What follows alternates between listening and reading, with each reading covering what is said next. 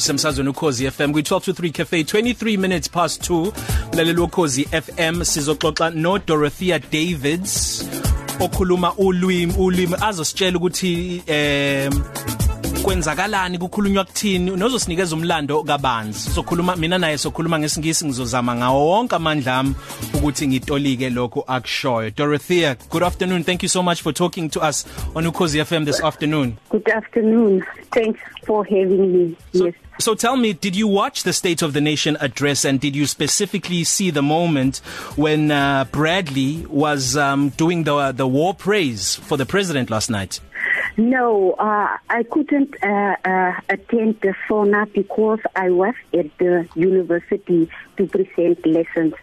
So I only heard about it, but before we perform it, he called me Mhm. and uh, uh, to consult me. So that was the situation. So I couldn't attend the sauna. Uyacha- uyachaza uDorothy ukuthi ngaphambi kokuba eh, umnumzana uBradley van Sitter eh, aye eParliament ufonele uDorothea ebuza nje ok- okafushana ukuthi imapi eh, iziphi izinto angamthiphisa ngazo ngaphambi kokuthi aye khona. So what was that consultation all about? What did he ask and how did you respond to him?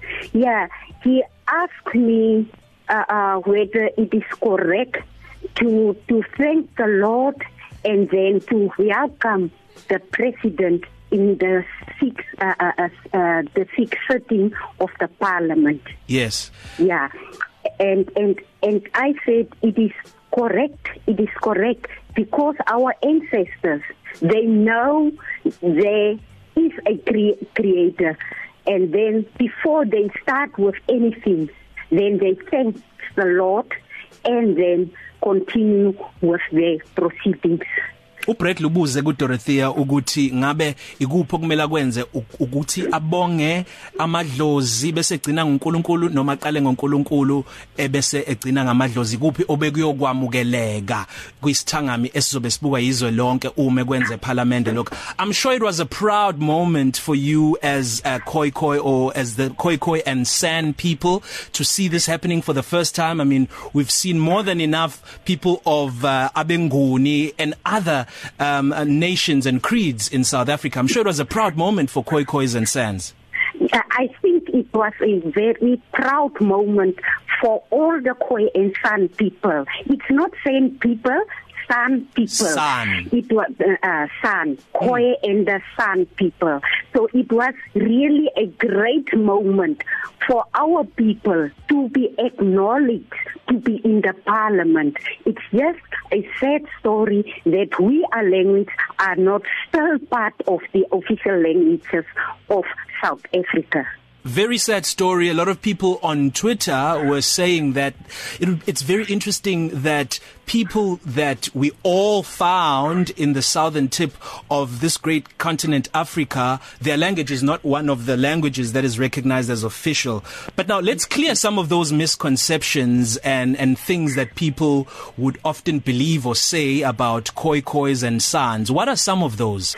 Uh, uh, let me start by saying uh, the language, our language was spoken before Jan van Riebeeck came here in the southern part of South Africa. Hmm. It was one of the oldest dialects in the southern part of Africa, in southern Africa, well, which was spoken by most of the Khoi Khoi people and also some of the San people. Mm. Uyachaza Yeah. Dorothea ukuthi ulimi lwabo lwakhulunywa ilona olidala kakhulu olwaziwayo futhi lwalukhulunywa ngaphambi kokuthi kufike o Jan van Riebeeck ne Dutch East India Africa ngo 1652.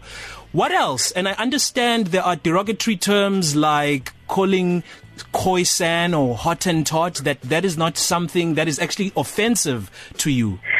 uh, uh, Hottentot is very offensive mm. for us, but we are Khoi people. Khoi people, it means people of the people.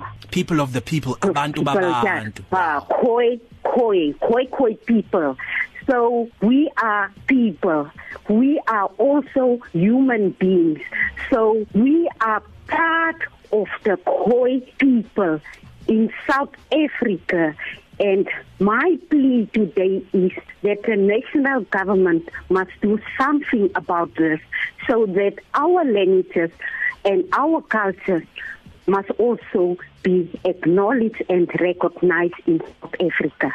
Finally, before I let you go, Dorothea, uh, we, we are in 2019. We would like to understand how Khoi Khoi people, Khoi people and San people are living and coexisting in in in urban life or do you only just preserve your culture so much that you want to be living in the deserts or or the forest? Or am I now or, or am I now again going into those misconceptions? No no no. It, it's not what I am saying.